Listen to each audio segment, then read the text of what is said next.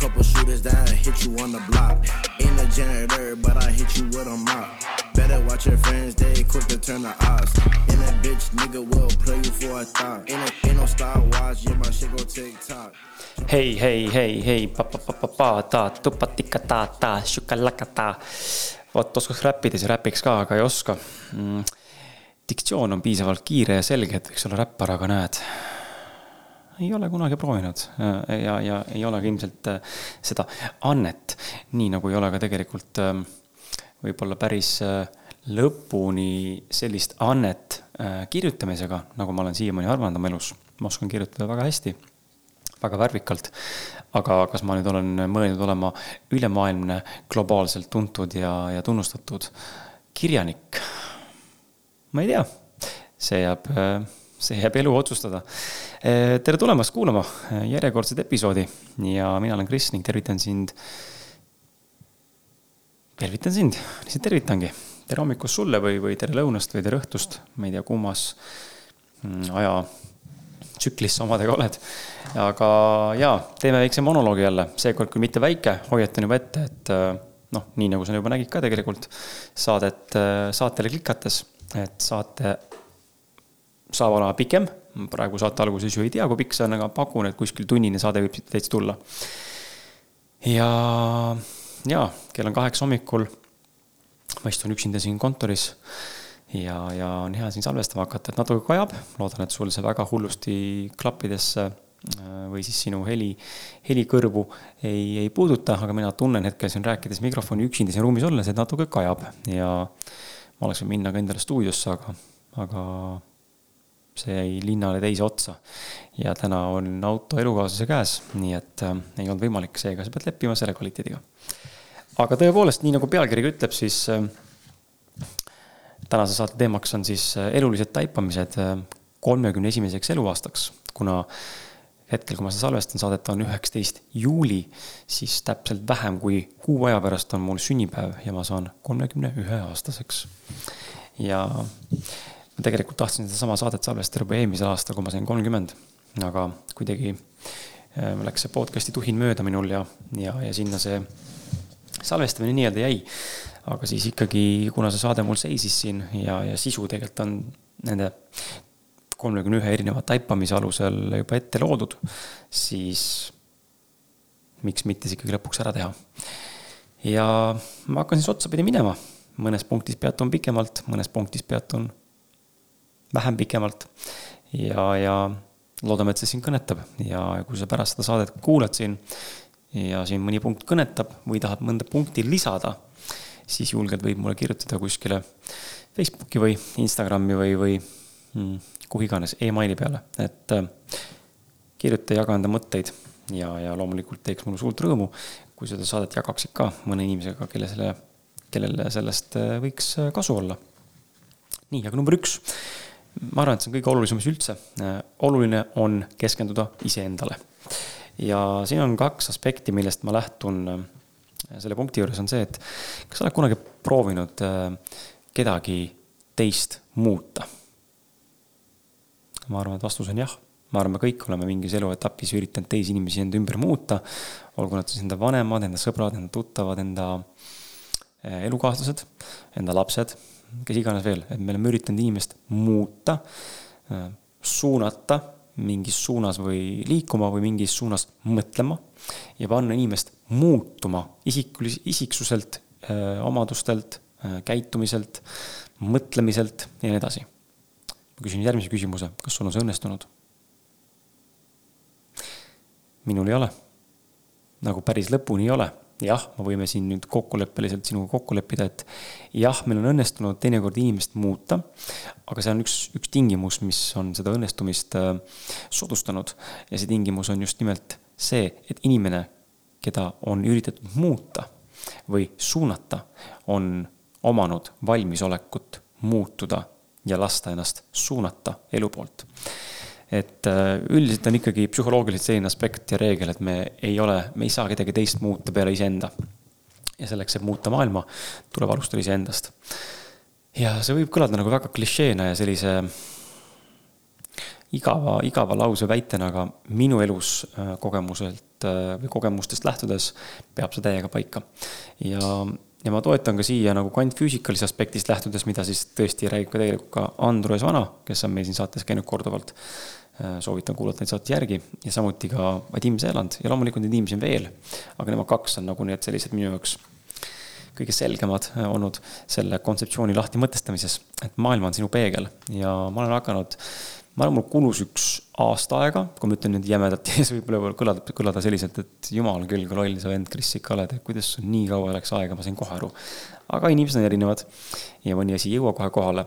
et kui sa ei suuda informatsiooniga mitte midagi peale hakata, mis sinuni jõuab, äh, puudub integratsioon sisemisel tasandil ja, ja samuti puudub ka arusaamine või samastumine mm, informatsiooniga, millele tuleks külge siis isiklik kogemus või taipamised siis paraku ei ole informatsiooni midagi peale hakata, sest et sellega ei saagi midagi teha, sest et sa ei saa aru sellest, mis on selle relevantsus.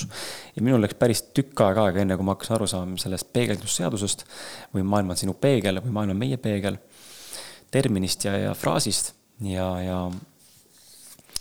tänaseks ma olen nagu hakanud aru saama sellest palju-palju sügavamalt ja, ja näen, näen palju vahetumalt seda peegeldust, äh, eriti läbi lapse, elukaaslase ja, ja teinekord ka elust äh, enesest erinevates situatsioonides. nii et maailm on sinu peegel, et oled ainult sina ja selleks, et muuta peegelpilti ehk siis kedagi teist, äh, kes etendab seda peeglit, on vaja muuta iseennast. ja see võib kõlada teinekord väga nagu eba ähm,, ebaausalt, et ainult mina pean alati ennast muutma, keegi teine ennast üldse ei muuda esimesena, miks pean alati mina esimese sammu tegema? sa ei pea, keegi ei kohusta sind tegema esimest sammu ja teistpidi jällegi mulle tundub, et see ühe mooduli või dünaamika alusel peab see reegel paika, et paraku on see reaalsus kvantfüüsikaliselt ja füüsikaliselt niimoodi üles ehitatud mingites parameetrites, et sina pead olema see, kes esimesena teeb selle sammu. ja siis kõik teised järgnevad. see on nagu lastega modelleerimine, et ähm, kui me tahame, et laps oleks, äh, laps rahuneks näiteks, kui ta saab haiget või ärritub endast, äh, ärritub või läheb emotsionaalselt äh, ülereageerivaks, siis ainus viis, kuidas laps saab õppida rahunemist läbi iseenda, on läbi selle, et ta vaatab, kuidas tema vanemad on hetkes, keskmes ja rahunevad hetke momendis. seega läbi modelleerimise ja peegel, peegel ongi modelleerimise seadus nii-öelda minu jaoks, et mina modelleerin, näitan eeskuju peeglile ja peeglil ei jää muud üle, kui lihtsalt vastu näidata mulle. et ähm, ka füüsi-, füüsiliselt see toimib väga hästi, et mine seisa peegli ees ja proovi siis peeglis seistes näiteks ähm, olla kuri, aga oodata vastu naeratust. võib-olla kui see on mingi teemonlik peegel, siis võib-olla tõesti. aga üldiselt ikkagi peegel näitab seda sulle, mis sina talle näitad, et äh, nii see karp paraku on. punkt number kaks. Äh, natuke läheb kokku eelmisega hmm,. või no lähebki tegelikult kokku eelmisega, et teisi ei saa muuta ja, esimene oli siis oluline keskenduda iseendale, et äh, ma praegu paningi punktid sassi, et teisi ei saa muuta ja see, mis ma esimese rääkisin, oluline keskenduda ainult iseendale, läheb natuke kokku nende mõlemaga. aga see erinevus on see, et kui sa teed, siis tee asju iseenda jaoks. Äh, täna me, tänases maailmas on väga palju turbulentsi või, või nii-öelda nagu rahulolematust, meil on siin see Covid olnud pikalt, eks ole.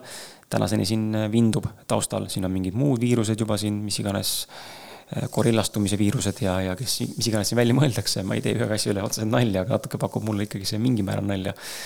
aga, aga siis on meil sõda, eks ole, mis jällegi väga, väga nagu mm, peen teema inimeste jaoks, mina seda väga tõsiselt äh, ei võta või absoluutselt ei võta tõsiselt. mul on äh, siiralt kahju inimestest, kes ennast on sellesse sõjateemadesse ähm, väga tugevalt sisse ähm, süüvinud ja, ja sinna panustavad enda, enda energiat. ja samuti mul on tõesti kahju nendest ähm, noh, mingilgi määral, kes siis päriselt seal kannatavad, et äh, väga palju süütuid ja toredaid inimesi saab tegelikult surma ja, ja igasuguseid õnnetusi juhtub inimestega, aga kas see minu probleem? ei ole senikaua, kuni sõda minu ukse taga ei ole, siis ei pea ma sellega tegelema. ja see võib kõlada väga nagu egoistlikult jälle ja võib-olla selliselt, et sina sellega ei nõustu ja see on okei okay.. meie oleme inimestena erinevad ja meie arvamused võivad olla erinevad ja arvamused võivadki jääda erinevaks, see on täiesti okei okay.. sina mängid enda mänguruumis ja maailmaruumis, mina mängin enda maailmaruumis enda reeglitega ja nii ongi. ja see on selle maailma dünaamilisuse võlu nii-öelda, et meil on siin sama maailmaruum, aga mängureeglid on väga erinevad, sest meie mängureeglid mõjutavad meie uskumused ja mustrid. Ja sealt tulevad ka erinevad reaalsustajud ja tulemused. Ja mina olen väga see inimene, kes siis usub, et iseendale tuleb eelkõige panustada ja oluline on keskenduda iseendale, et kui mul võimalus valida, kas ma keskendun sõjateemadele või Covid teemadele või mõne muule mingisugusele teemale, mis tekitab minus hirmu, ärevust, ma ei tea, masendust, depressiooni, mis iganes veel, siis ma pigem ei keskendu sellele, vaid keskendun iseendale, mis teeb mulle rõõmu, valmistab mulle rõõmu, toob mulle heaolutunde, pakub mulle positiivseid äh, emotsioone, pakub mulle rõõmsa meeleolu ja nii edasi. et äh, reaalsust luuakse enda läbi tunnete ja läbi sageduse, mis sinu sees on kui sinu sees on negatiivne tunne ja negatiivne, ma annan sildid praegu negatiivne ja positiivne, need ei ole otseselt nagu halvem ega kehvem, lihtsalt nad kirjeldavad kahte erinevat äh, tulemust minu arusaamise järgi. Et kui minus on ikkagi positiivne mm, suhtumine signatuur taustal, siis mu elu, elul ehk peeglil ei ole muud varianti, kui mulle seda vastu anda ja ja ma olen väga nagu seda meelt, et ma toon nagu hästi, ma olen seda varem ka toonud siin podcast'is seda näidet, aga ma toon nagu hästi nagu lapsiku näite võib-olla või ekstreemse näite. aga oletame, kui ühel päeval peaks minema mingil põhjusel sõjavägi kohustuslikuks, mida ta tegelikult täna ka mingi mahus on, aga ütleme nii kohustuslikuks, et iga inimene, äh, iga mees, iga Eesti mees peab minema sõtta. Ja, ja tullakse koju järgi ja mehed pannakse vägisi sõjaväkke või, või sõtta vägisi siis kui sina oma reaalsusena mehena oled elanud sellises sageduses ja signatuuris, et sina Ähm, sinu sagedus jääb ülespoole või paremuse poole või paremasse kohta kui see sõjasagedus, siis võib olla täitsa võimalik selline variant ja stsenaarium, kus lihtsalt sinu maja, näiteks kui oleks kas või kõige väiksemas külas, sinu maja jäetakse lihtsalt kontrollimata ja vahele ja sina ei pea minema näiteks või sind ei kutsuta et mul on väga palju ümber äh, situatsioone olnud erinevaid ja enda elust ja tuttavate elust ja sõprade elust, kus on justkui nagu raudpolt reegel, et igaüks peab seda tegema ja varem või hiljem see juhtub, aga näed, mingil põhjusel temaga see ei juhtunud või jäi juhtumata. nii et äh, keskendu iseendale, äh, see on ainus, ainus, millele sa, sa keskenduda saad. loo enda elu selliselt, nagu sa soovid ja siis paraneb ka ümberringi olev sinu reaalsus. et kui sul on seda raske uskuda, siis proovi. Võtta see fookus iseendale, pane kinni kõik see muu pask, mis sind äh, täna alla tõmbab, sind äh, teistpidi meelestama paneb ja keskendu iseendale ja vaata, kas tulevad tulemused. Ja ma garanteerin sulle, et tulevad, kui mitte üle päeva või üle öö, siis äh, ajapikku hakkad sa märkama loodetavasti neid positiivseid muutuseid. punkt number kolm. maailm meie ümber on meie sisemaailma peegeldus. jälle natukene puudutab seda eelmist kahte punkti, me kohe lähme ka teemadega natuke rohkem edasi ka, kus siis äh, äh, ma ei korruta nii-öelda seda juttu otseselt, aga ma räägin äh, samast asjast läbi erinevate nurkade, mida ma olen taibanud.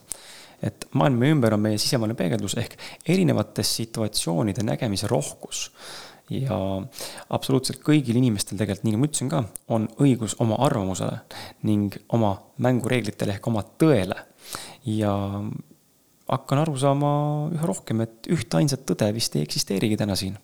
ma olen endiselt selle veendumusel, et kuskil universumi avarustes peab olema üks kriteerium või üks nii-öelda kõige see tõelisem algsem äh, allika olemus või, või jumaluse olemus, läbi mille kõik see muu on siia tekkinud, kus on tekkinud nii-öelda siis see dünaamilisus või mitmekesisus. aga ma olen ikkagi veendumusel ja uskumusel, et, äh, et seal peab olema äh, ainult üks tõde ja ülejäänud need asjad on kõik juba algse tõe variatsioonid vähemal või rohkemal määral.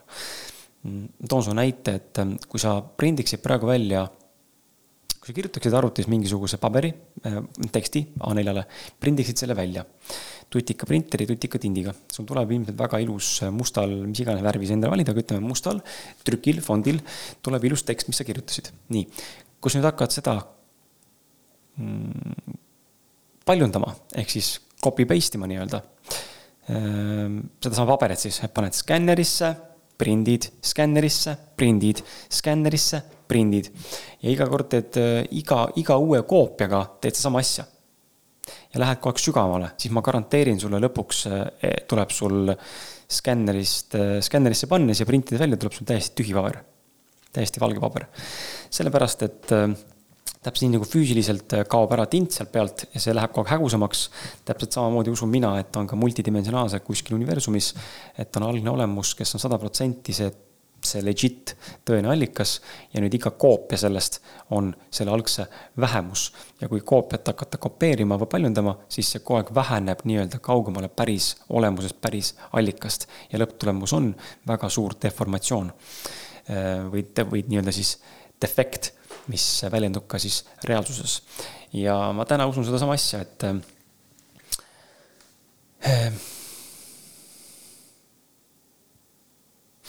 noh, need parimad näited võib-olla selle koha pealt ka just on see, et mm, kui me räägime nagu sellest, äh, see puhtalt sellest terminist, et maailm on meie sisemaailma peegeldus, eks ole, ehk siis erinevad situatsioonid, nägemisrohkus. Äh, oletame, et me oleme, see on hea näide tegelikult, Vadim, Vadim Seelandi raamatust ka et vaatame, kui sa kõnnid tänaval, eks ole, kuskil linnas, oletame Roomas, kõnnid ringi. Mm, sinu jaoks on kõik väga ilus, väga kihvt, sa näed seal tänaval mingisuguseid kunsti, graffiteid, sa näed seal arhitektuuri, sa näed seal rõõmsaid inimesi. sa näed seal, oih mul jooksis telefon sisse, üks moment. nii, sorry äh,, elukaaslane helistas. aga et seda rohkem ei juhtuks, panin hääletu peale aga jah, see rohkus, et sa oled siis äh, linnas ja jalutad ringi, sa näed kõike linnas positiivset. ja siis sinuga samal ajal, seal samal tänaval on mingisugune asotsiaal näiteks või, või inimene, kellel on elu keerdkäik läinud selliselt, et elab tänaval ja on, on kodutu.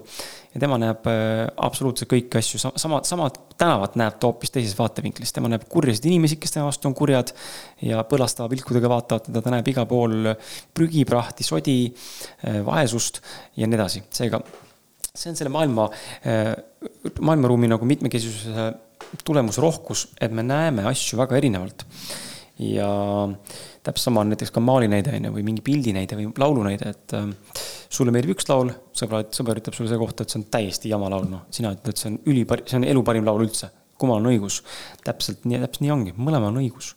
ja see on selle asja nagu kihvt minu meelest see pool, et meil on alati ainult iseenda perspektiiv ja me saame seda perspektiivi laiendada, kui me laseme sisse, kui me laseme sisse teist informatsiooni ja see on minu jaoks väga suur võti olnud viimase aasta jooksul, kus ma näen, et vaatamata sellele, et ma olen eh, enda uskumuste ja mustritega, siis on oluline lasta eh, või olla avatud selles mõttes maailma poolt pakutavale informatsioonile, mis võib tunduda sulle uus ja teinekord võib ka sinu maailmapilti raputada. sest me mitte kunagi ei tea, millal miski võib osutuda meile kasulikuks ja julgus avada neid nii-öelda võimaluste või variantide, erinevate tõenäosuste või perspektiivide uksi on see, mis küllastab sinu kogemust ja sinu maailma, sest et ta laiendab sinu perspektiivi sellele mängule, mis siin toimub. number neli, võitlus loob ainult võitlust. jep, ma olen sada protsenti selles veendunud. võitlusega me loome juurde ainult võitlust ehm, sõda saab eksisteerida ainult sellepärast, et äh, mõlemad osapooled on otsustanud sõdida. kui üks osapool lõpetaks sõdimise, siis ei oleks sõda, vaid oleks võib-olla rahumeelne allutamine või vallutamine või juhtuks hoopis midagi muud kolmandat, millest me ei oska ette, ette kujutadagi. nüüd sinu küsimus võib olla see, et ei no aga siis ju sõidetakse lihtsalt üle, eks ole, on ju, toome selle Venemaa-Ukraina näite, et aga kui Vene, Ukraina otsustab mitte sõdida, siis Ukrainast saab Venemaa. noh, siis saab on ju, et see võib kõlada nagu väga naljakalt, mul ei ole ka sulle ühtset vastust selle peale, mis on see lahendus, kui mitte võidelda. aga ma täna näen väga tugevalt oma elus viimase aastaga jälle intensiivsemalt, sest viimase aastaga minu elu väga palju muutunud, väga palju muutunud. ise inimesena ja materiaalne maailm ja materiaalne heaolu on kasvanud tohutult, et ma ei ole mitte kunagi oma elus olnud nii heas kohas, kui ma olen täna. ja ma saan olla ainult tänulik iseendale sellepärast et ma olen äh, olnud valmis lõpuks ometi selle informatsiooniga, mida ma olen eelnevate aastate jooksul siin podcast'i külaliste käest saanud või vesteldes saanud või ise juurde lugenud. olen valmis olnud seda ka rakendama. aga minu kogemus äh, ka, et äh, mida rohkem sa võitled, seda rohkem sa saad vastu võitlust. et kui laps hakkab jonnima ja sa hakkad talle vastu paugutama või vastu mölisema või vastu nii-öelda nähvama või, või samasuguse signatuuriga talle vastama, siis tema käitumine ainult intensiivistub.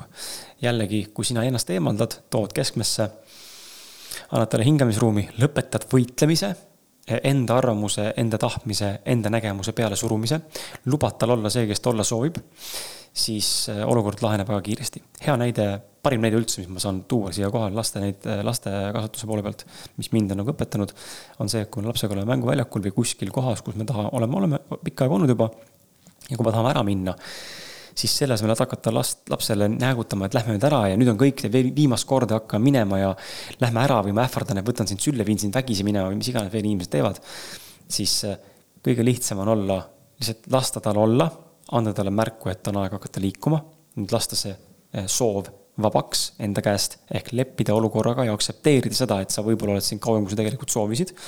ja tavaliselt, mis ma näinud olen, on see, et nii kui ma panen käest ära selle, et ma tungivalt tahan, et ta minuga kaasa tuleks.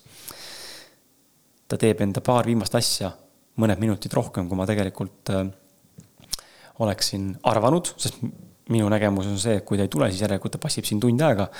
aga tegelikult läheb mõned minutid rohkem aega ja ta tuleb vabatahtlikult ise minuga kaasa.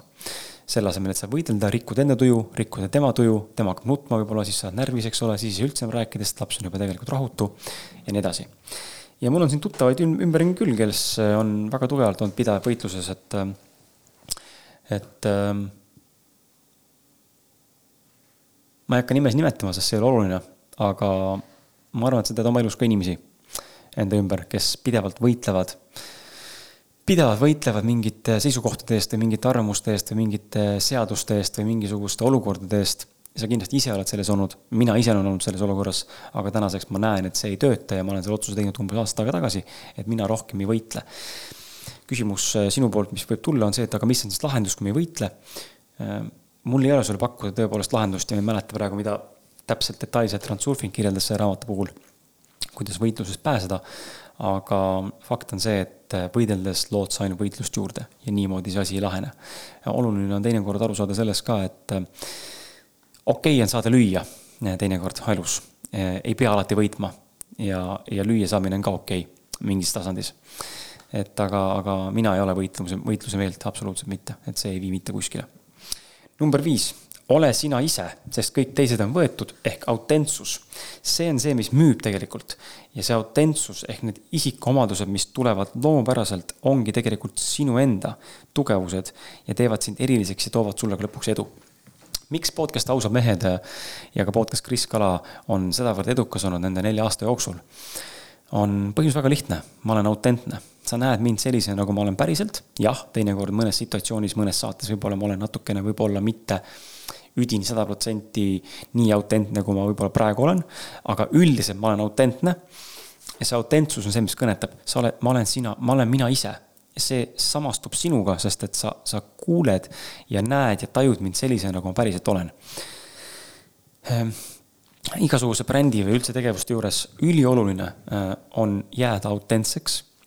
sellepärast, et ainult siis saab särada see, kes sa tegelikult oled.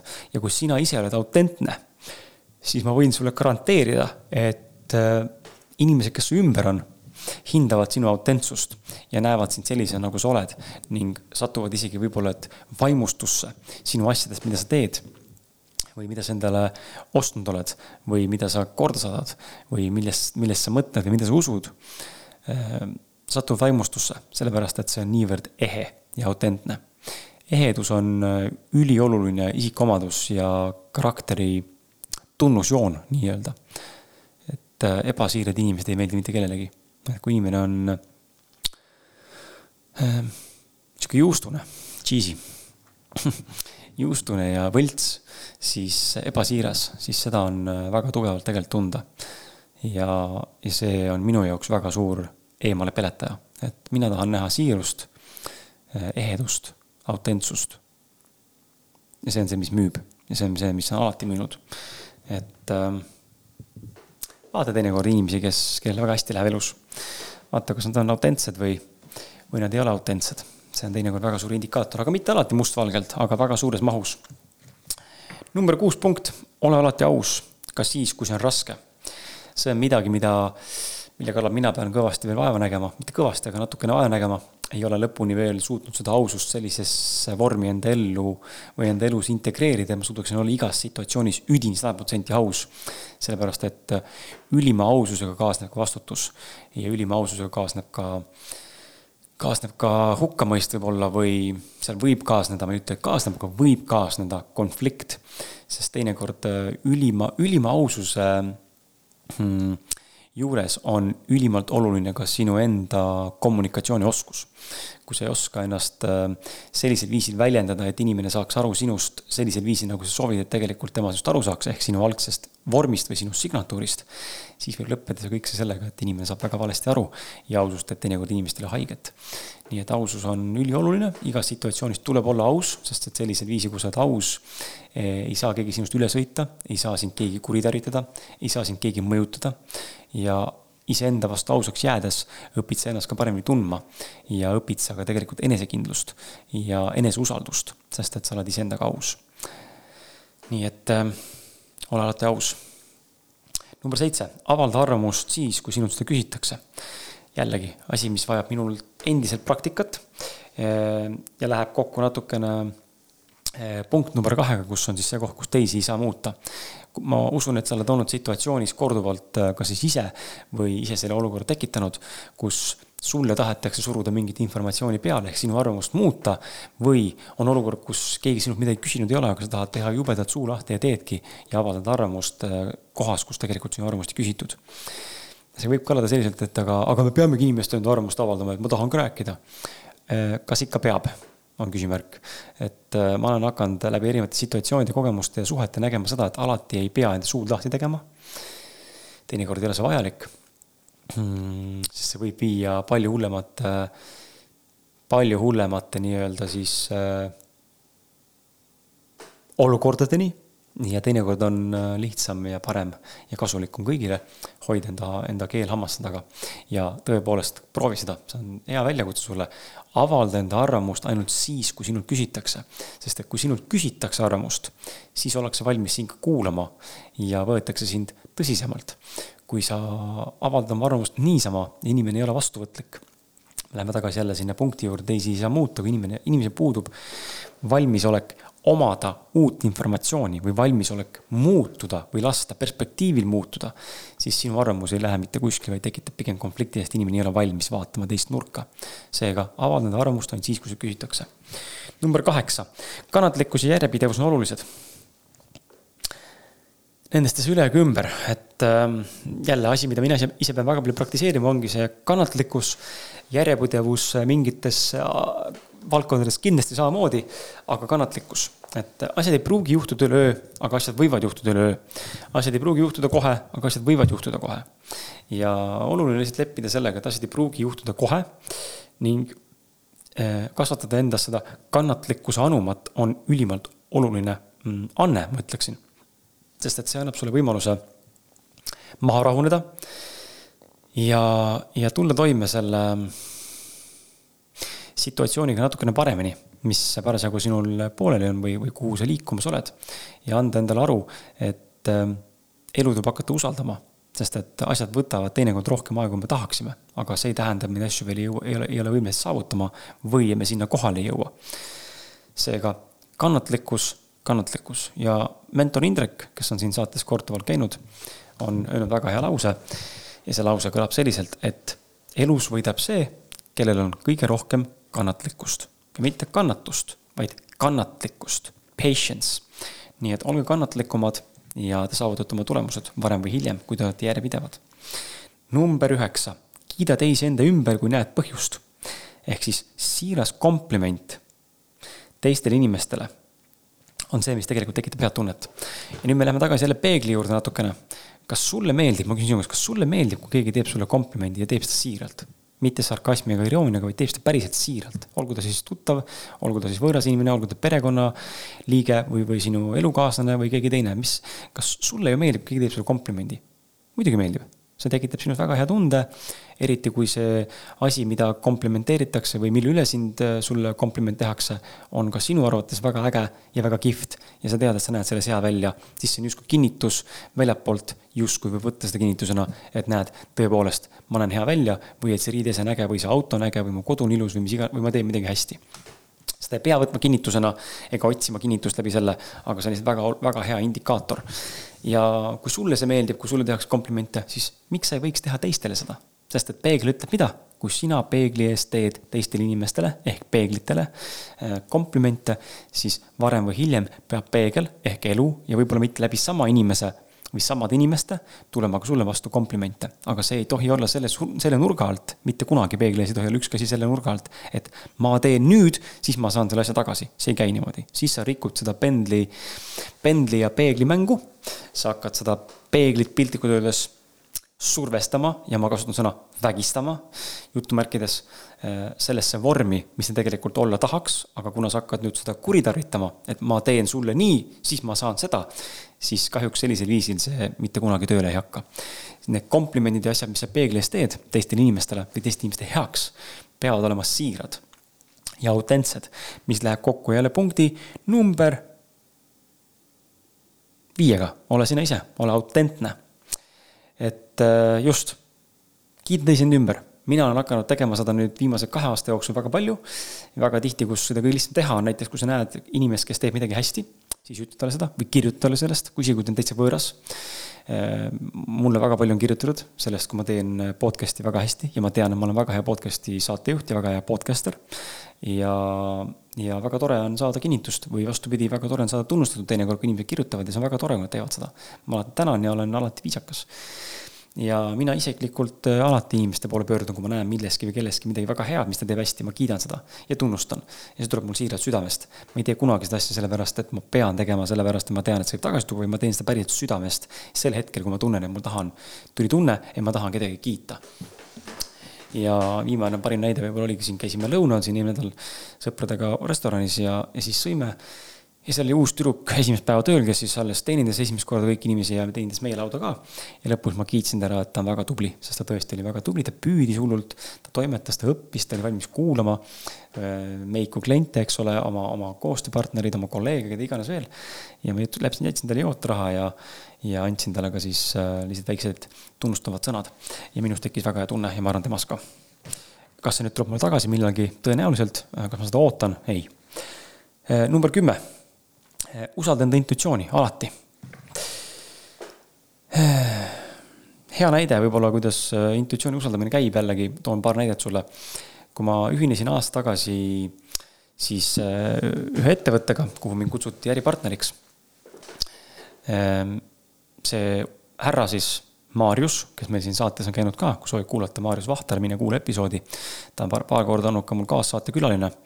siis Maarjus usaldas enda intuitsiooni ja, ja kirjutas mulle, et ta vajab äripartnerit, kellel on minu, minusugused omadused või mul on need omadused, keda ta otsib. ja tulemuseks on see, et täna me oleme üle aasta koos olnud ja koos seda ettevõtet juhtinud. et ähm, teine näide võib-olla sul tuua siia intuitsiooni kuulamisest ja usku- ja usaldamisest on siis see, et mul on kaks head sõbra, mitte väga, noh, ma super head nad ei ole, ma igapäevaselt ei suhtle nendega selles mõttes, aga pigem head ikkagi jah. ma ei tea, miks ma korraks kõhklesin. siin võib olla vabalt see, et hea küsimus on ju, miks ma kõhklesin korraks, ma ütlesin head sõbrannad, tegelikult nad on head sõbrannad. äkki võib-olla mul, äkki ma ei tea jah, peaks tegelema sellega, siin taustal on midagi võib-olla peidus, miks ma praegu kõhklesin, aga head sõbrannad. Maris Saar Äh, hüpnoterapeut ja Annela Aun, kes on siin äh, coach, minu isiklik coach ja Maris on mul äh, terapeut, kellega ma käin ka, mõlema tüdruku juures ma käin aeg-ajalt vestlemas, kui mul tuleb tunne, ma vajan abi või kellegagi suhtlemist, vestlemist, siis mul tekkis mingi aeg tunne, et ma peaks nad kokku viima omavahel. lihtsalt tekkis intuitiivne tunne, et ma pean Marise ja Annela tegema teineteise jaoks tuttavaks. ja üllatus-üllatus, noh, poolnaljaga, et oh, üllatus-üllatus, kui sa ennast usaldad ja lähtud heast kohast ja teed seda ilma ühegi tagasisaamise soovita, siis tulemus on alati positiivne. ja tõepoolest, tüdrukud klappisid suurepäraselt ja suhtlevad tänaseni ja teevad vist, hakkavad tegema vist mingit asja koos ka, et nad on väga sarnased ja, ja klapivad suurepäraselt ja minu nende kokkuviimine oli täiesti õige otsus. jällegi, usalda ennast, usalda intuitsiooni mm uue auto valimisega ka, eelmises episoodis ma rääkisin uue auto valimisest. ma nägin seda uut autot, auto kahekümne nelja, auto kahekümne nelja selles äh, veebiplatvormis, veebilehel ja kohe, kui ma nägin seda, mul intuitiivselt teadsin, see on minu, see on see auto. ja täna ma selle autoga sõidan. et äh, ja neid näiteid on väga palju mul olnud elus, kus ma intuitiivselt äh, usaldan, usaldan intuitsiooni. kas ta nüüd alati sada protsenti täpne on mm,? pigem ei, aga üheksakümmend viis minimaalselt protsenti ulatuses, ma ütleksin, et ta tegelikult läheb täide, seega usaldan intuitsiooni. Number üksteist, oskus öelda ei on väga oluline.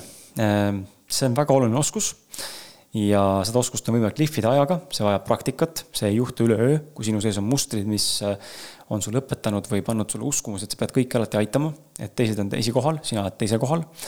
kas sa võtad vastu liigselt palju tööd, kas sa küsid liiga vähe raha ähm, orjad liiga palju enda kaaslast või enda last või enda sõpru, enda vanemaid. Äh, üritad liiga palju please ida ehk teistele meele järgi olla ja mis iganes veel või lihtsalt äh, ei suuda öelda ei ja muudkui lähed igale poole kaasa, sest et kõik lähevad, ma lähen teen ka, kuigi ma tegelikult teha ei taha seda. mina hakkasin vastust ei õppima esmakordselt äh, tõeliselt teadvustatult, kui ma olin umbes kaheksateistaastane, kui olid need esimesed nii-öelda peod, majapeod ja korteriläbud, siis ma lihtsalt tundsin mingi hetk, et ma ei taha minna. mul ei paku see huvi, mind ei huvita. ma tahan olla kodus, lugeda raamatut, minna jalutama sõbraga. Ja ma hakkasin ütlema ei sellega kaasnesid tagajärjed, inimesed suhtlesid minuga vähem. ja see on osa, see on osa sellest, mida inimesed, ma arvan, kardavad ja pelgavad, et äh, alati igal asjal on tagajärg, aga nii on lihtsalt. meil tuleb sellega leppida ja aktsepteerida, et, äh, et meil on igal, igas asjas elus on tagajärjed, iga valik toob tagajärje või mingisuguse tulemuse. nii et õppige, õppige ütlema ei, sellepärast et siis jääb ka alles su enda ressurss. ja õppige ütlema ei, sellepärast et te ei pea alati igale poole minema ja kõik, kõiki asju tegema. ega kõigile inimestele vastu tulema. õppige elama iseendale. ja see läheb kokku punktiga number üks, kus on oluline keskenduda iseendale. õppige ütlema ei. ja te näete, kui vabastav see on, te ei jää millestki ilma. Teil ei jää midagi tegemata vaid lihtsalt õppige ütlema ei ja õppige ütlema jah ainult seal, kus tegelikult tunnete, et te päriselt tahate seda teha punkt number kaksteist, teadmatus ei ole alati halb. usalda elu ja elu keerdkäike, sest tagasi vaadatuna mm, saan mina isiklikult öelda ja ma arvan ka sina, tagasi vaadatuna näeme me alati põhjust, miks miski oli hea mm paar lihtsat näidet jälle enda elust ja sina võid mõelda, mis sinu elus on parasjagu niimoodi toimunud. oma esimest raamatut kirjutades mul tüdruksõber murdis äh, mu südame nii-öelda, tegi mulle haiget, läksime lahku. ma ei näinud selles mitte midagi positiivset ja umbes äh, aasta hiljem kirjutasin raamatu, millega ma sain ka natuke rohkem tuntust juurde, mis on kindlasti mind siin elu jooksul kaasa aidanud. kas ma nägin seda, et see süda, südame murdmine toob mulle raamatu äh, nii-öelda nagu raamatu? ei näinud, aga ma läksin protsessiga kaasa ja usaldasin seda, mis tulemas oli. intuitiivselt läksin kaasa hmm ma panin äh, podcast'i pausile eelmise aasta augustis või tegelikult juunis. Mm, ja teavitasin välja, et, äh, et teen väikse pausi ja ma ei tea, kas ma üldse naasen salvestama. tänaseks ma salvestan küll, aga mitte nii regulaarselt kui varasemalt ja kas ma üldse naasen sellise sageduse juurde, ma ei oska öelda. aga mida ma tahan äh, esile tuua huvitava punktina, ongi siis see, et ma panin podcast'i käest ära ja, ja usaldasin seda, et elu toob mulle midagi uut hetkel asemele, sest ma panin ühe ukse kinni ja tavaliselt, kui ühe ukse sulged, siis üks uks, teine uks avaneb ja alati tavaliselt niimoodi on. juhul, kui me oleme valmis tegelikult uksi ka avama, sest teinekord uksed on avatud, aga me lihtsalt ei näe neid uksi. sellepärast, et me oleme nii kinni enda ideedes ja, ja nägemustes ja, ja suundades, et me ei ole võimelised tegelikult äh, teisele poole üldse vaatama. niisiis, panin selle käest ära podcast'i ja mulle avanes uus uks, kus ma siis täna äripartnerina üle aasta juba toimetan kas ma teadsin tol hetkel, mis saama hakkab? ei. minus oli väike ärevus ja hirm eh, septembri ees, sest mul oli natukene raha, et eh, hakkama saada suvel perekonnaga nii-öelda ilma sissetulekuta. aga ma teadsin, et septembriks peab mingi lahendus tulema, see lahendus tuli tegelikult kaks minutit hiljem, kui ma selle asja ehk podcast'i käest ära panin, ehk palju rutem. jällegi usalda teadmatust, sest teadmatus ei ole alati halb. meil on uskumus inimestena, et teadmatus on midagi ebameeldivat ja ta ongi mõnes mõttes ebameeldiv, sest me tahame inimestena psühholoogilisest aspektist, me tahame alati kontrollida situatsiooni.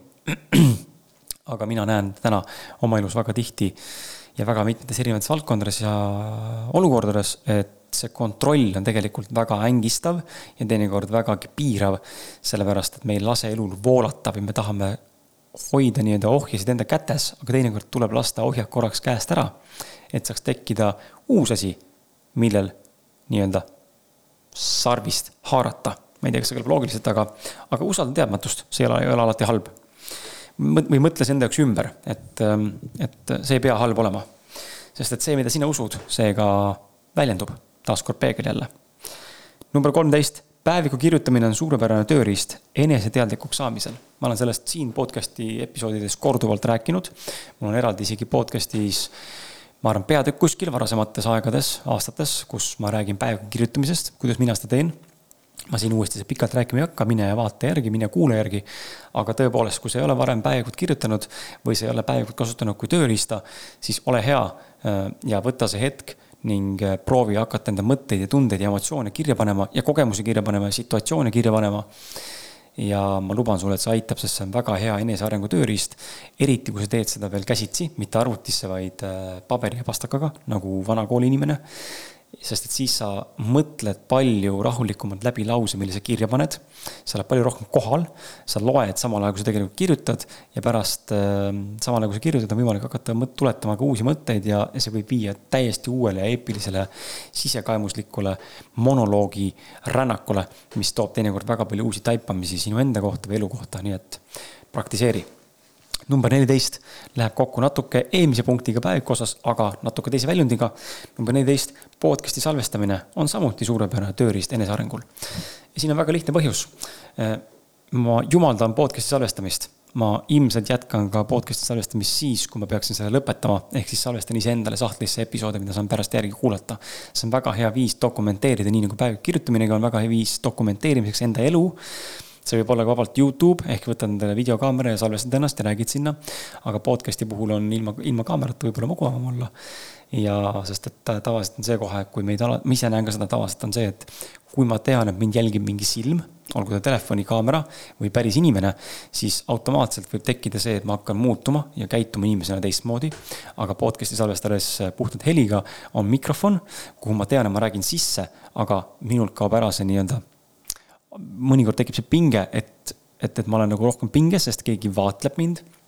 aga podcast'i salvestades, mikrofoni rääkides ma räägiksin justkui iseendale. Ja ka sulle praegu seda episoodi salvestades ma tegelikult tunnen, et äh, ma räägin iseendale, kuigi jah, ma tean taustal, et see episood läheb ülesse kõigile kuulamiseks, aga ma olen sellega juba harjunud, et mind see ei, ei, ei mõjuta nii-öelda, aga kindlasti aitab kaasa see, et mul ei ole videopilti. Ja jällegi, sa saad ennast alati pärast järgi kuulata ja kui sul on veel klapid peas, nagu mul praegu on, siis sa kuuled vahetult samal ajal, kui sa räägid, tegelikult kuuled ka enda mõtteid ja lauseid. mis võib olla mõneti natukene häiriv ja, ja uutmoodi, eriti alguses, kui sa ei ole harjunud äh, samal ajal enda mõtteid nii valjult kuulma.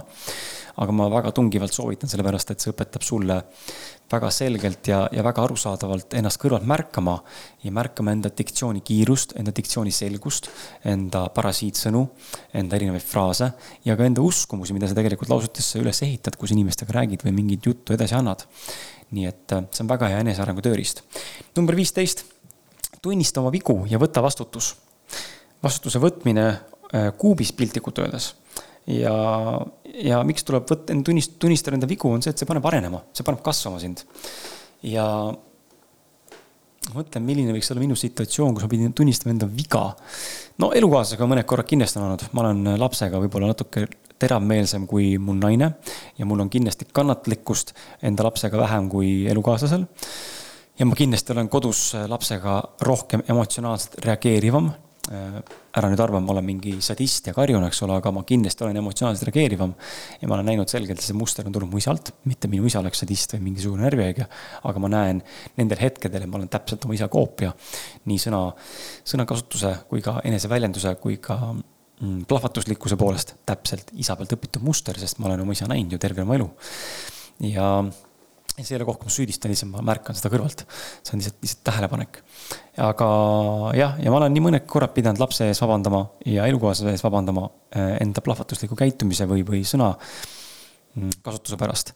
sest ma lihtsalt ei ole tol hetkel tulnud toime eh, selles situatsioonis nende tunnete, emotsioonide ja, ja situatsiooniga. nii et eh, ole julge, vabanda, kui sa tunned tegelikult, sa käitusid valesti, siis üsna kindlasti oli ka olukord, kus sa tegelikult käitusid valesti. et kui sul tunne ütleb, et äkki ma tegin liiga, siis oleks ilus ja mõistlik alati vabandada, isegi kui sa ei vasta tõele ja tuleb välja, et sul on pseudo arusaam sellest, et sa käitusid valesti, siis teine inimene kindlasti peegeldab sulle, ütleb sulle, kõik on okei okay,, ma ei tea, millest sa räägid ja ma ei, ma ei solvunud või ma ei saanud haiget. aga see jällegi tõstab seda respekti ja näitab sinu autentsust ja haavatavust ja inimlikkust. et sa olid valmis tegelikult tunnistama oma viga, isegi kui see ei olnud tegelikult viga sest et me teinekord äh, oleme väga jäärapäised ja egoistlikust äh, tuhinast juhitud. ja mis lõpetab sellega, et me ei ole valmis tegelikult teise inimese ees vabandama, kui me käitusime valesti või me eksisime. see on täiesti okei okay vabandada ja täiesti okei okay on eksida, sest me oleme kõik inimesed. number kuusteist. sõbrad tulevad ja lähevad, see on täiesti okei okay äh, elu jooksul seltskond nagunii vahetub ja me ei pea kinni hoidma ega klammerdama klammerduma kunstlikult ähm, teiste inimeste külge või siis isegi kunstlikult oma äh, tutvusringkonda üleval hoidma või asju või programme või projekte või ettevõtmisi kunstlikult oma, oma elus, ähm, elus hoidma. ja teinekord võib ka tunduda, et äh, inimestel pole sinu vastu huvi, aga tegelikult on reaalne põhjus see, et inimesed lihtsalt on kiired ajad ja ei ole vaja üle mõelda ega ette kujutada. Mina olen see härra, kes väga tihti, kahjuks või õnneks satun korraks sellesse keerisesse, kui ma pole mõnda sõpra näinud äh, väga pikka aega ja ma olen ise nagu huvi näidanud vastu sellele, et me võiksime kohtuda ja andnud ettepanekuid, et võiksime sel päeval kohtuda või sel ajal kohtuda või sel kuupäeval kohtuda või midagi koos teha. ja ma näen, et ta ei ole väga nagu õhinal äh, kohe kaasa tulema, vabandust, kaasa tulema või ta ei vasta mulle kohe, siis minus tekib sisse see tunne, et aga äkki nad, äkki nad ei tahagi, et ma nende sõber oleksin, et äkki ma käin neile pinda siin võib olla kui teist, siin võib olla tõsi selles, et nad tõepoolest nad väldivad mind ja nad ei taha minuga suhelda. või teine variant, mis tavaliselt ikkagi lõpuks on, kui on ikkagi päris sõber ja hea tuttav, kellega sa koos aega tahad veeta ja kellega sa oled koos aega veetnud ka veel. Ja kes sind austab, siis pigem on põhjus selles, et inimeste elud on lihtsalt nii hektilised täna ja nii kiired, sest me ühiskonnana oleme enda selle elutempo ajanud ülikiireks. ja lihtsalt meil tuleb endale aru anda, et teinekord äh, ei olegi mitte mingit muud põhjust, kui puhtalt äh, probleem on sitas planeerimises ja mitte sinus ega temas.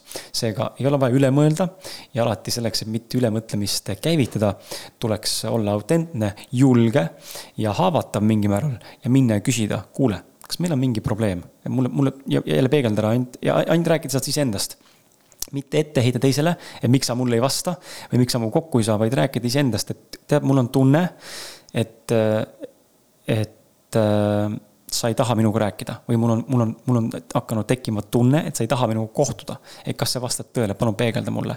ja siis sa üsna kindlasti saad teada ka vastuse. et äh, teinekord on asi palju, palju mõnusam, kui tegelikult sulle tundub, me ise mõtleme olukorra väga hulluks. Äh, ja see on täiesti okei okay,, kui teinekord sõprus saabki otsa, et see sõbrad tulevad ja lähevad. ma olen elus viimaste aastatega vahetanud äh, nii-öelda ajutisi sõpru välja küll ja küll, äh, kes tekivad, kaovad, tekivad, kaovad, mõnega jääb suhe pidama, mõnega ei jää suhe pidama, mõnega jääb sõbe, sõbrasuhe tuttava tasandile, mõnega tuttava tasandilt sõbra tasandile, mõne sõbraga läheb suhe veel intensiivsemaks, veel hea, paremaks sõbraks. ole avatud, ole avatud ja ära hoia kinni ühest konkreetsest inimesest või, või konkreetsetest inimestest. sõbrad tulevad ja lähevad, see on elu osa, sa ise inimesena ka muutud, see on täiesti normaalne, seega miks ei võiks sinu sõbrad muutuda, et äh, see on okei okay., ära hoia kinni inimestest.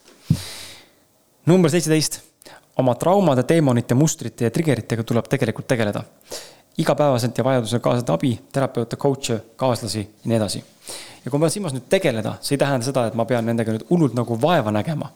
aga meil tuleb nad tähelepanu fookusesse võtta, sest vastasel juhul, vastasel juhul lihtsalt äh,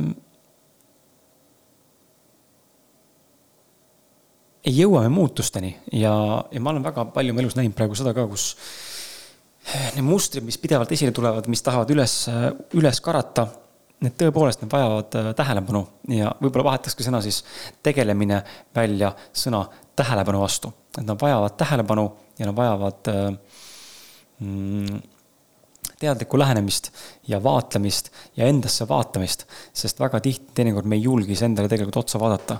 ja see on see, mis tekitab erinevaid probleeme ja põhjuseid elus, mis võivad viia ängistuse, masenduse, depressiooni, kurbuse või mille, milleni iganes, enesevihkamise, enese saboteerimise, milleni iganes veel.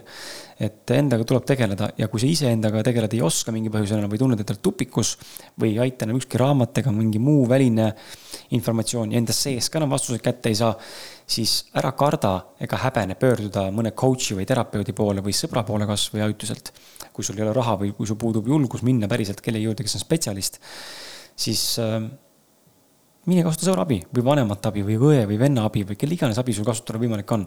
et ära häbene enda nõrkusid välja näidata või nende kitsaskohti näidata, sest nendega, need on okeid. meil kõigil on neid.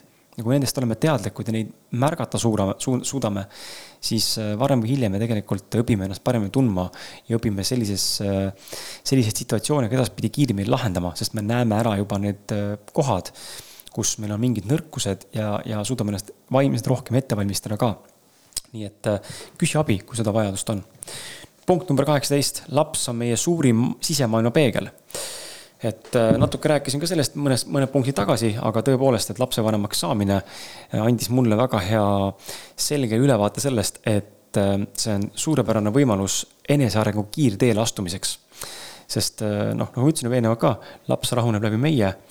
kui laps käivitub, siis see tähendab seda, et tuleb endasse vaadata, sest mina olen enda keskmest tõenäoliselt väljas ja väga tihti ma kodus näen seda ka elukaaslase puhul ka. et kui mina oma anumaga olen tegelikult ikkagi sees tühi, siis äh, laps väga tihti peegeldab mulle vastu seda, sest minu käitumine on juba selline, et laps loeb sealt välja, et ma olen tegelikult ärevil ja hängis ja, ja vihane, tusane. ja tal ei jää muud põhjust, kui, kui selle pealt mulle vastu anda. see ei ole, ta ei tee seda meelega, vaid see on see, võta seda kui peeglit. see, see on märk ja indikaator sulle, et sa oled keskmest väljas kui sa näed, et laps on jonnakas, tusane, äh, sõdib sinuga, vingub, äh, loobib asju, märatseb äh, ja edasi, siis vaata korraks endasse ja küsi, kas mul on hea praegu olla või tegelikult on mul taustal ikkagi midagi, mis mind tegelikult häirib. väga tihti ja üsna enamikes aegades, mida mina näen, on tegelikult probleem selles, et mul tegelikult oli juba eos ette sitt tunne sees. ja nüüd see lihtsalt võimendub, sest et laps näitab mulle seda vastu. ja väga raske on siis kohale tulla, aga siis tuleb maha rahuneda. kõige lihtsam viis äh, sellise olukorra vältimiseks on lapsevanemana ennetada neid olukordi, ehk siis täita enda anumat nii palju kui võimalik, et kui jõuab kätte situatsioon, kus laps hakkab sulle peegeldama negatiivset, oled sina võimeline jääma keskmesse või olla eelnevalt juba nii palju ennast keskmesse toonud ja ennast täitnud enda karikat individuaaltasandil nii palju, et laps ei saagi sul hakata peegeldama sinu tusast ega sinu sitta tuju, sest et sul ei ole neid. number üheksateist, aktsepteeri tänast, aga hoia visiooni, ole kohal ja liigu omas tempos enda eesmärgi poole, kiiret pole ehm ma olen oma elus väga palju asju tahtnud saada ja, ja kindlasti on asju, mida ma tahan täna veel saada. Aga need ei ole nii suured asjad, sest kõik suured asjad on saavutatud, ma sain endale maja, millest ma olin äh, mitte, mitte nüüd sellest konkreetsest majast unistanud, aga majast olin unistanud. ma leppisime elukaaslase kokku juba mitu aastat tagasi, et me linna kolides ei tule korterisse. Äh, me peame saama endale maja või meie soov oli saada maja ja meil oli teadmine, et me saame selle maja mingi aeg. kuidas, me ei tea, aga me saame ja me ei tulegi enne lihtsalt, sest me tahame saada maja, mitte korterit. ja lõpuks me selle saime ja see tuli ka jälle nagu täiesti läbi sihukeste võimaluste absurdsuse, et isegi nagu natuke täna isegi piinlik äh, detailidest rääkida kellegiga, kuivõrd hästi see mulle tuli ja kui, kui odavalt ma selle sain, on võib-olla kõige õigem öelda. ma detailidesse ei lasku, aga see tuli väga kergelt.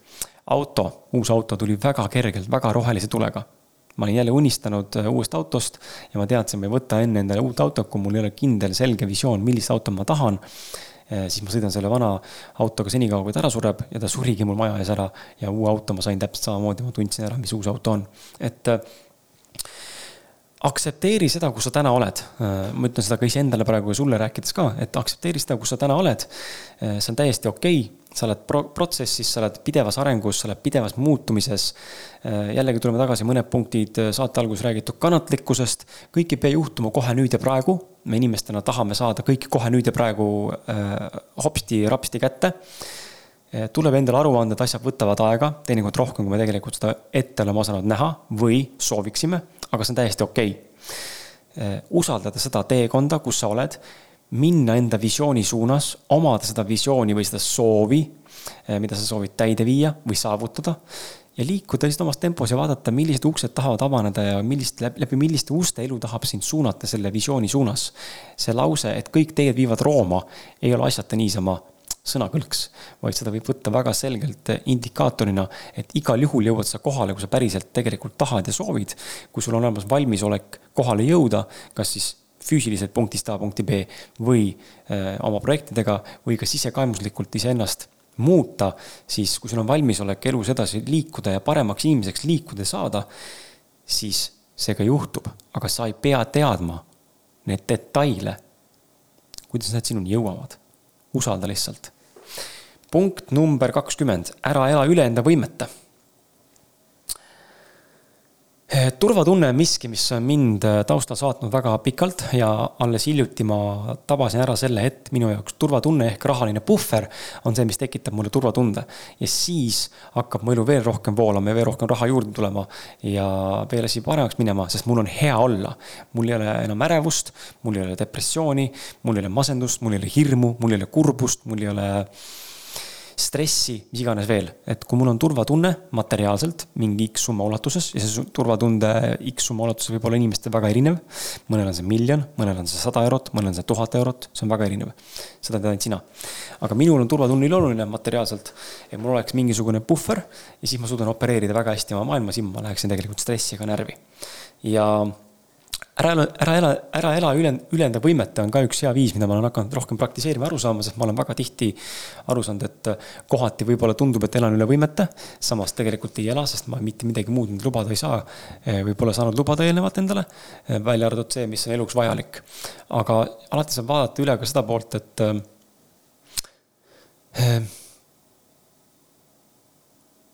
kas sa oled võimeline seda asja, mis sa tahad osta või seda asja, mis tahad saavutada või kuhu tahad liikuda, kas sa oled võimeline seda ka välja kandma. et ma toon hea näite võib-olla siia, et äh, mul oli valida auto puhul, on ju, ja siin meil on jälle inimestel on erinevad, aga ma saan jagada, kuidas mina opereerisin valik, auto valikus.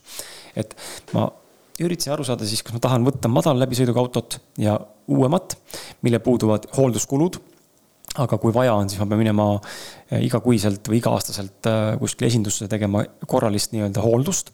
või ma võtan mingi vanema auto, mida ma saan minna ükskõik kuhu, kus on tõenäoliselt natukene odavam nii-öelda see hooldustasu eh, tunnipõhiselt või, või mis iganes tasupõhiselt. aga mu suur läbisõit ja auto näeb ka kihvtim välja võib-olla, sest tutikad autodega oleks saanud lubada endale nii-öelda mitte võib-olla väga seksikat autot, aga väga praktilist autot. ja siis ma üsna kiiresti jõudsin arusaamisele, et kui mul on vanem auto, mille läbisõit on suur, siis tõenäosus, et auto hakkab lagunema, on tegelikult palju suurem. isegi kui tal on mingid olulised jupid välja vahetatud, siis see tõenäosus endiselt püsib õhus versus uus auto, mis on alles salongist tulnud. või mõned aastad tee peal sõitnud ja väga hästi hoitud.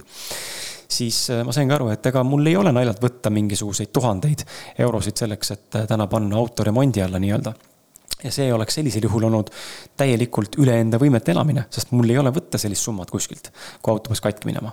järelikult tuleb mul leida teine viis, noh ja täna ma leidsin endale õnneks äh, mõlema sümbioosi, ma sain äh, praktilise ja, ja hooldatud ja korras madala läbisõiduga tutika auto, aga. aga mis ma tahtsin öelda ah,, aga ta on ka seksikas, jaa, ta näeb väga lahe välja, ta on sportauto. et äh, lihtsalt nii läks seega püüa nagu mõelda üle võimete piiri elamise osas ka, et ära ela endale võimete. ja võimalusel, võimalusel. Äh, jah, ma ei oskagi rohkem midagi öelda siia. Äh, punkt kakskümmend üks, kõik on võimalik ja see võib kõlada väga klišeena jälle, aga tõepoolest kõik ongi elus võimalik, kui ainult ise tegelikult tahta seda. ja minu liitumine selle tänase ettevõttega, kus ma siin äripartnerina toimetan, on see näide, ehe näide sellest, et kõik on võimalik. ma poleks ealeski uskunud ega osanud ennast näha sellises situatsioonis, nagu ma täna olen, aga näed, siin ma olen ja siin ma toimetan. Ehm,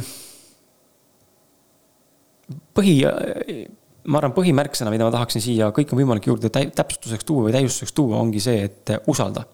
tuleb usaldada lihtsalt ja liikuda enda soovide suunas ja olla avatud võimalustele. punkt kakskümmend kaks, õpi ennast väärtustama. vot see on hetkel minu jaoks pooleliolev protsess ja siinkohal ma tegelikult väga pikalt ei tahagi peatuda, sest et ma alles tegelen sellega. olen sinuga täitsa aus. punkt number kakskümmend kolm. eneseväljendus on ülimalt oluline eh, kommunikatsiooni tööriist. ja näen seda tihti nüüd siin eh, juhtival kohal olles eh, töötajatega suheldes.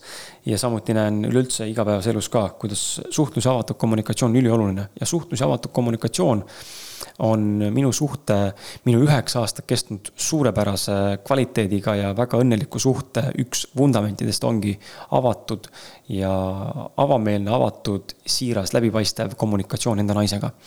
ja ma olen siiralt tänulik, et mu elukaaslane on sedasama asja mulle vastu pakkunud ja sellele siin ma rohkem ei peatu, sest me tegelikult rääkisime kommunikatsioonist juba ka enne ka number kakskümmend neli, õpi aktsepteerima iseennast. Äh, jälle sama teema, nagu on väärtustamisega, saan aru selle olulisusest tegelikult intellektuaalselt ja tegelen sellega vaikselt, aga aktsepteerin enda külgi ja näen mingeid muutuseid, mida varasemalt elus pole näinud aga siinkohal ma midagi väga kaasa rääkida veel ei oska ja see on täpselt samamoodi väga aus vastus, et see on minu jaoks koht, kus ma alles õpin seda asja päriselt siis tundma ja rakendama. punkt kakskümmend viis, kõik teevad vigu. see on täiesti okei okay see on miski, mida mul on väga raske vastu võtta, ma olen see inimene, kes hakkab äh, vähimagi väiksemagi vea puhul hakkan ennast süüdistama ja ennast materdama. ma toon näite, mul eelmine nädal pidi olema kohtumine ühe inimesega. ja ma jätsin, äh, tulin siis äh, neljapäeval kontorisse. ja ma teadsin, mul on, teen lühema päeva, ma lähen maale. ja siis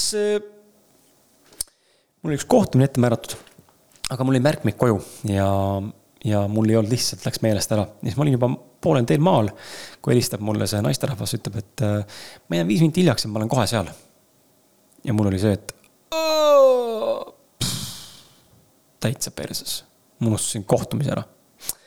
ma vabandasin, mul oli ülipiinlik, aga nüüd eile äh, ma juba kohtusin temaga ja kõik on tipp-topp, väga hästi läks.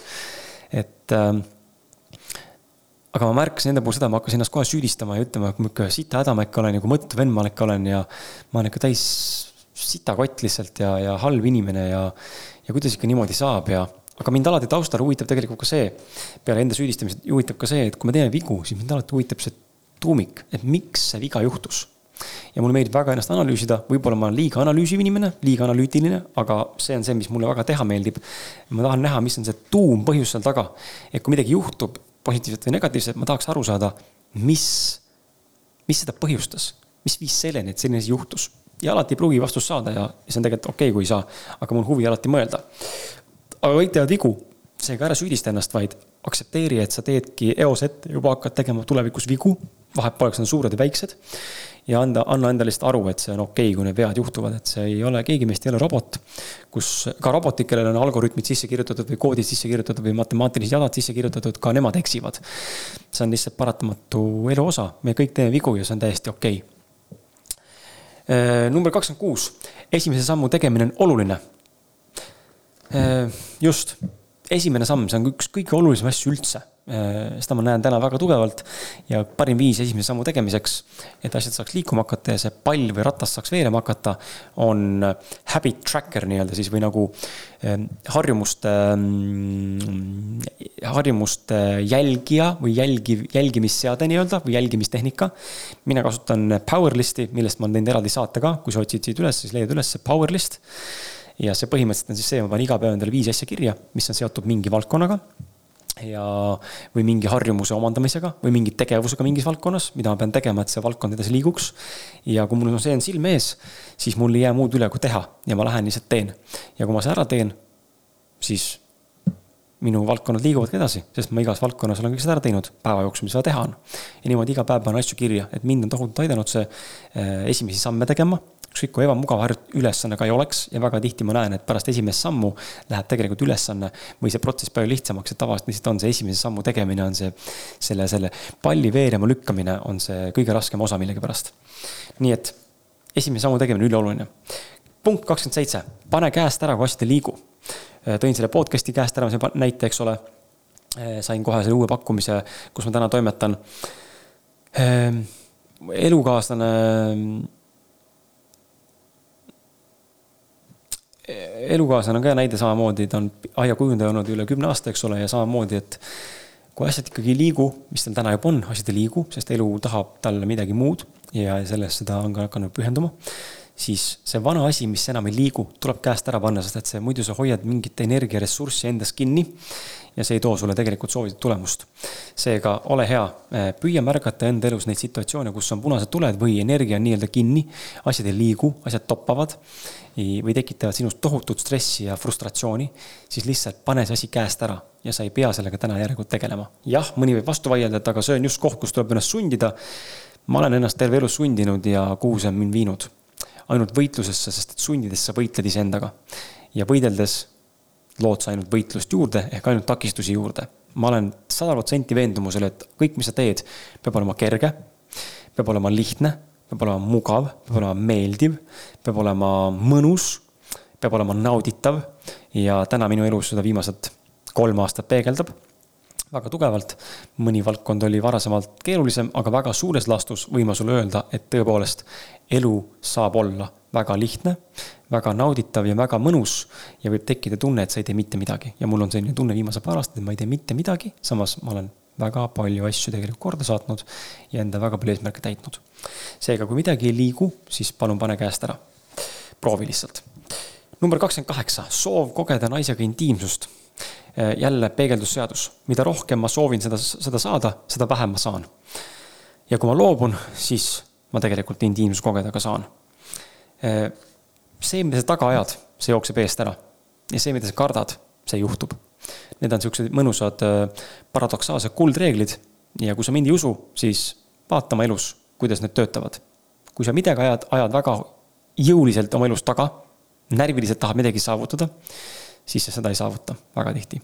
ja kui sa sellest loobud, siis sa sellega saad, kui sul see soov endiselt on. ja teistpidi, kõik, mis sa kardad või mida sa väldid seda sa just saad ja teinekord isegi võimendatult. vaata, kuidas sul sinu elus on, minu elus on see relevantne. punkt kakskümmend üheksa, power list.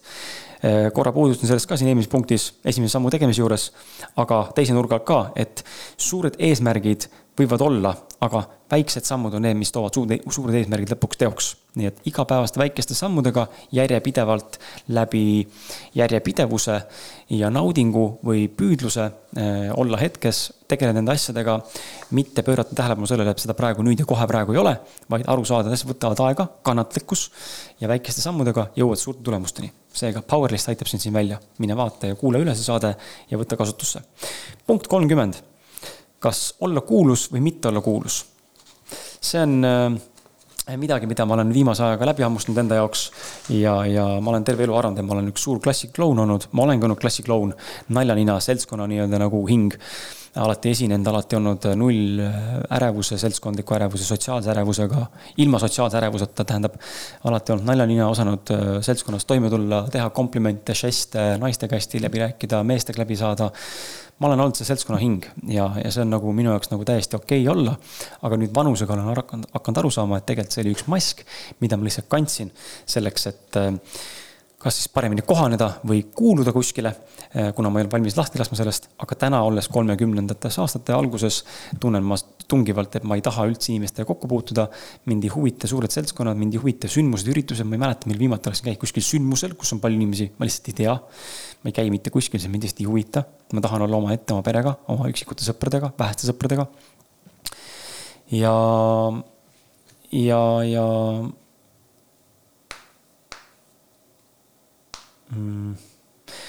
ja see ongi just äh, see oluline koht, kus äh, aru saada sellest, et kes sa tegelikult oled, sest et me inimestena teinekord kanname väga tugevaid äh, suuri maske, aga oluline aru saada, kes ma tegelikult olen. mul on sellega, viimane kord siin vestlesin alles hiljuti Kaido Pajumaaga ka sellest, et ta on samamoodi hästi sarnane mulle selle koha pealt või mina talle sarnane selle koha pealt samamoodi. Et ma olen võimeline etendama mingit rolli mingis ajas, kui on vaja, aga minu päris olemus on midagi muud. Ja, ja ma tunnen täna, et ma üha rohkem han... olla eemal sellest rolli etendamisest ja näidata enda päris mina olemust, et ma ei taha neid maske enam kanda.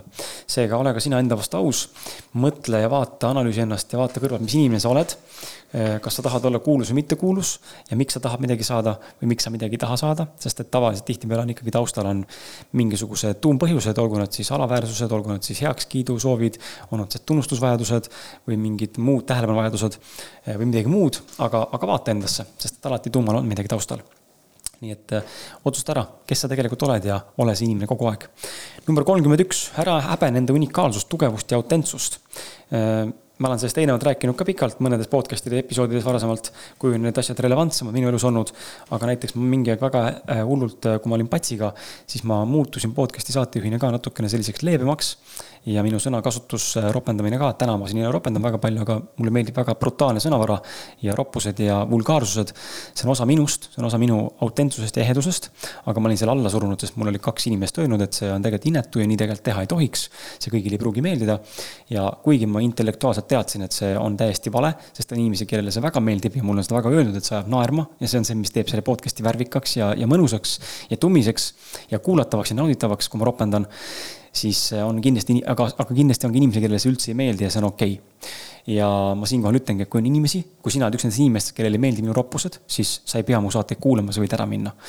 ja see ei ole mitte kuskilt ülbes kohast öelduna, vaid just nimelt see, et mina enda autentsust ei pea hakkama varjama ja ei pea sina hakkama enda autentsust varjama või muutma kellegi teise pärast ei, sina oled autentne sellisena, nagu sa oled ja siis sa tõmbad ligi endale inimesi, kes on sinuga autentsed samamoodi või kes samastuvad sinu autentsuse ja sinu nii-öelda karakteristikaga. seega ole autentne, ära salga maha enda autentsust ja jää iseendaks ja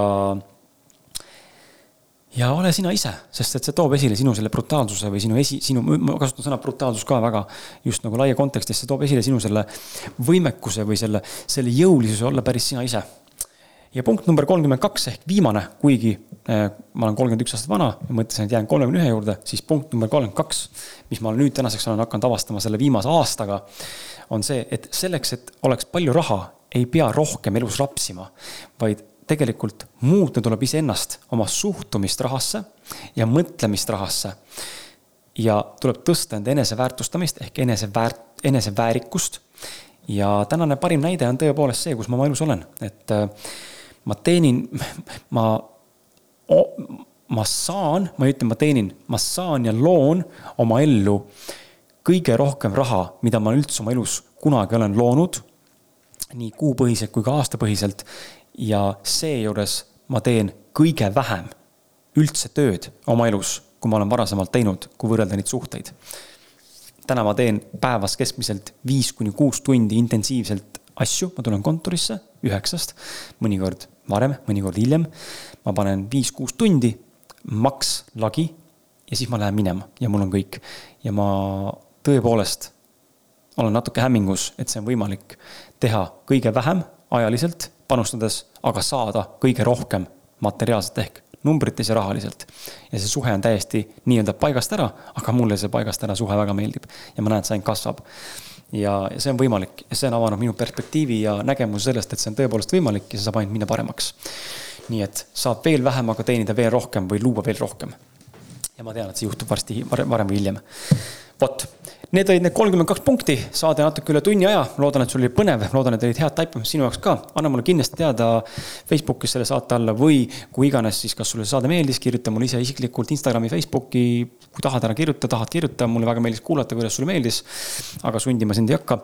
aitäh, et olid minuga ja meie kohtume sinuga juba järgmistes episoodides, millal need tulevad, ma ei tea, aga ma päris pooleli podcast'i salvestamist ei jäta. küll aga ma kindlasti sellise sageduse juurde täna veel ei naase, sest mul on fookus täiesti mujal ja oleme hetkel ehitamas Äh, ettevõtted viies erinevas riigis, hetkel ainult Eestis, aga varsti ka viies riigis, nii et minu fookus on lihtsalt mujal ja mul on startup taustal. kui sul on soovi salvestada podcast'i, kvaliteetset heli, äh, varsti ka videopildiga. või sa tead kedagi, kellel oleks raha, kes sooviks investeerida, siis ole hea, kirjuta mulle. meil on kakskümmend eurot on sessioon hetkel salvestamisele. ja sessiooni pikkus on määratlemata ühe ööpäeva raames, nii et sa võid julgelt elada seal kahekümne euro eest eh, kakskümmend neli tundi, kui soovid. Ja rohkem ma sult raha täna ei küsi, aga podcast'i saad salvestada kvaliteetselt, sest et see on, mina ütleksin ausalt, et see on üks Eesti parimaid äh, akustiliselt isoleeri-, heliliselt isoleeritud stuudioid. ja ta näeb lihtsalt väga fucking sitaks lahe välja ka veel. nii et anna teada, kui tahad tulla salvestama või investeerida, olen väga oodatud ja avatud. ja egas midagi, järgmiste episoodideni ja aitäh, et olid minuga, tšau, tšau, tšau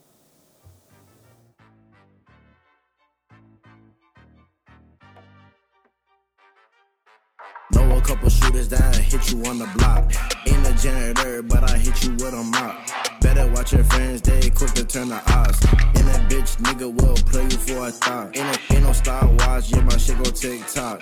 Jumping in out the bendo like it's hopscotch. My nigga in the kitchen and he